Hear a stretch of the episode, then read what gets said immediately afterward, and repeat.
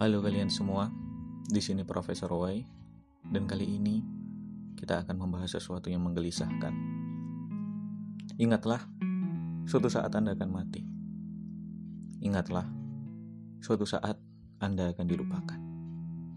Ingatlah, suatu saat tubuh Anda akan diuraikan dan dimakan oleh para bakteri. Ingatlah, suatu saat itu mungkin sudah sangat dekat hanya saja Anda tidak bisa merasakannya. Kita semua akan mati. Jangankan kita, manusia biasa.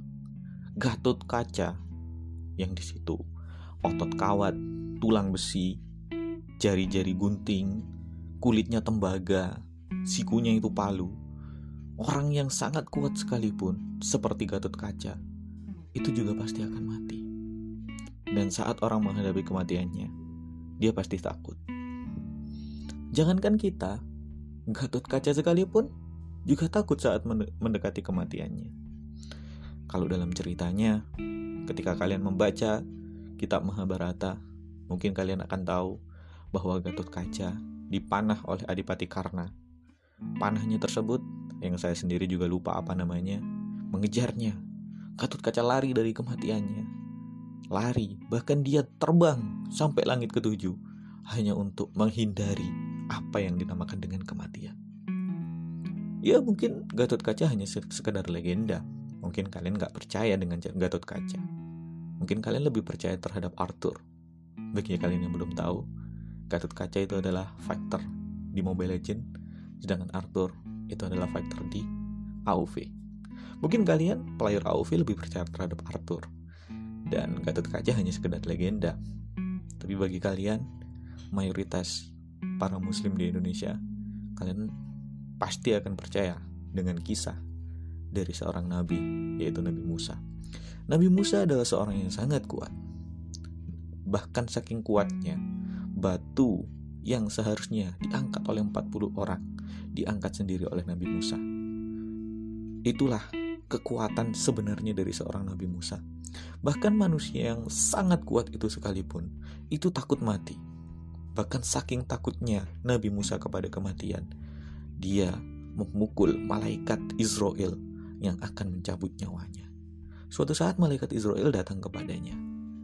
Musa, ini waktumu sudah habis di dunia ini. Saking takutnya, Nabi Musa langsung memukul malaikat Israel. Bahkan malaikat sekalipun itu bisa dipukul oleh Nabi Musa.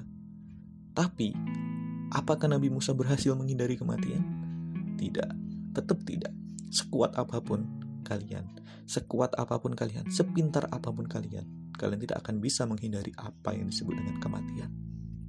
Orang sekuat Nabi Musa, sekuat Gatot Kaca, itu pun takut kepada kematian. Apakah hal ini tidak membuat kalian takut? Jika kalian tidak merasa takut dengan kematian ini, sekarang ingatlah bahwa Anda tidak tahu akan ke mana Anda setelah mati. Ingatlah, Anda tidak akan mengerti apa yang akan terjadi. Dan ingatlah, apa yang Anda ketahui sekarang mungkin saja salah. Mungkin saja kalian setelah kematian bisa saja kalian masuk surga atau masuk neraka. Atau mungkin saja kalian bisa bereinkarnasi menjadi manusia lain hanya untuk merasakan penderitaan di dunia ini. Atau mungkin saja kalian dalam proses kehidupan kalian hanyalah sebuah pendewasaan dari sebuah telur.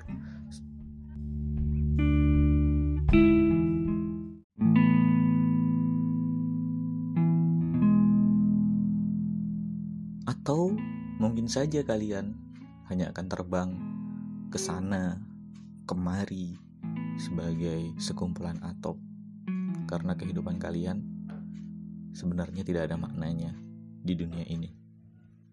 Dan kalian tahu apa yang lebih lucu dari manusia? Kita semua berjalan setiap hari, bekerja setiap hari, memikirkan masalah kita setiap hari. Seolah-olah hal tersebut, kematian itu tidak akan menghampiri kita sama sekali. Ya, karena itu semua hanyalah sebagai pengalihan. Kalian semua tidak mau mendengar kebenaran ini kebenaran bahwa kalian akan mati, kebenaran bahwa setelah mati kalian tidak tahu apa yang akan terjadi. Kalian semua mengalihkan semua dari kebenaran yang menggelisahkan ini. kebenaran yang sangat membuat hati kalian gelisah sampai-sampai otak kalian tidak mau menerimanya. Sehingga otak kalian memikirkan sesuatu yang lain yang lebih menyenangkan dan pastinya lebih layak untuk dipikirkan daripada hanya memikirkan kematian. Seperti kutipan yang dibilang oleh Kakashi Hatake bahwa kita semua tersesat di jalan yang bernama kehidupan. Ya memang seperti itu. Kita semua di sini sedang tersesat di dunia ini. Bukan seperti ajaran agama Nasrani bahwa kita adalah domba yang tersesat. Tapi literally kita benar-benar tersesat. Kita hanya berjalan-jalan di sebuah jalan tanpa kita tahu ujung dari jalan itu apa. Tapi apa yang kita lakukan? Kita semua hanya sibuk memandang pemandangan yang indah. Kadang ada tragedi di sekitar kita. Kita semua sibuk memandang semua itu.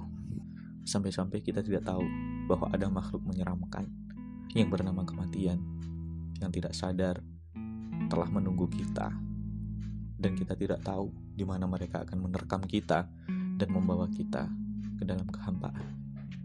Kita semua terlalu sibuk. Bagi kalian yang sedang putus cinta, kalian terlalu sibuk memikirkan kenapa kalian putus cinta. Bagi kalian yang sedang dipecat, kalian terlalu sibuk untuk memikirkan kenapa kalian dipecat.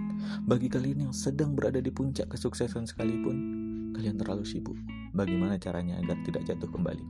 Kita semua sedang tersesat, tapi kita semua sibuk untuk menikmati kehidupan ini seolah-olah kita tidak tahu bahwa di ujung jalan sana ada sebuah makhluk mengerikan yang bernama kematian. So, apakah kalian sekarang sudah merasa putus asa? Mengapa kalian tidak merasa putus asa dari kehidupan? Apa yang kalian pikirkan sehingga kalian bisa menghindari keputusasaan? Padahal kalian semua sudah tahu bahwa sebenarnya mungkin saja kehidupan kalian sebenarnya tidak ada maknanya. Kalian hanya sekumpulan sel di sini, sekumpulan sel yang menunggu kematian, sekumpulan sel yang berusaha untuk berkembang biak, mengembang biakan, menggandakan gen-gen mereka tetapi mereka suatu saat nanti pasti akan menghilang dan digantikan oleh sel-sel baru. Hanya itu arti dari kehidupan kalian. Perbuatan baik kalian hanyalah reaksi dari sekumpulan sel untuk bertahan hidup. Bukan dari hati kalian dan bukan karena kalian memiliki makna dalam kehidupan ini. Dunia ini tidak peduli dengan apa yang kalian ucapkan. Dunia ini tidak peduli dengan kebaikan kalian Dunia ini tidak peduli dengan apa yang kalian perbuat. Dunia ini masa bodoh dengan apa pun yang kalian perbuat. Kalian hidup tidak ada maknanya.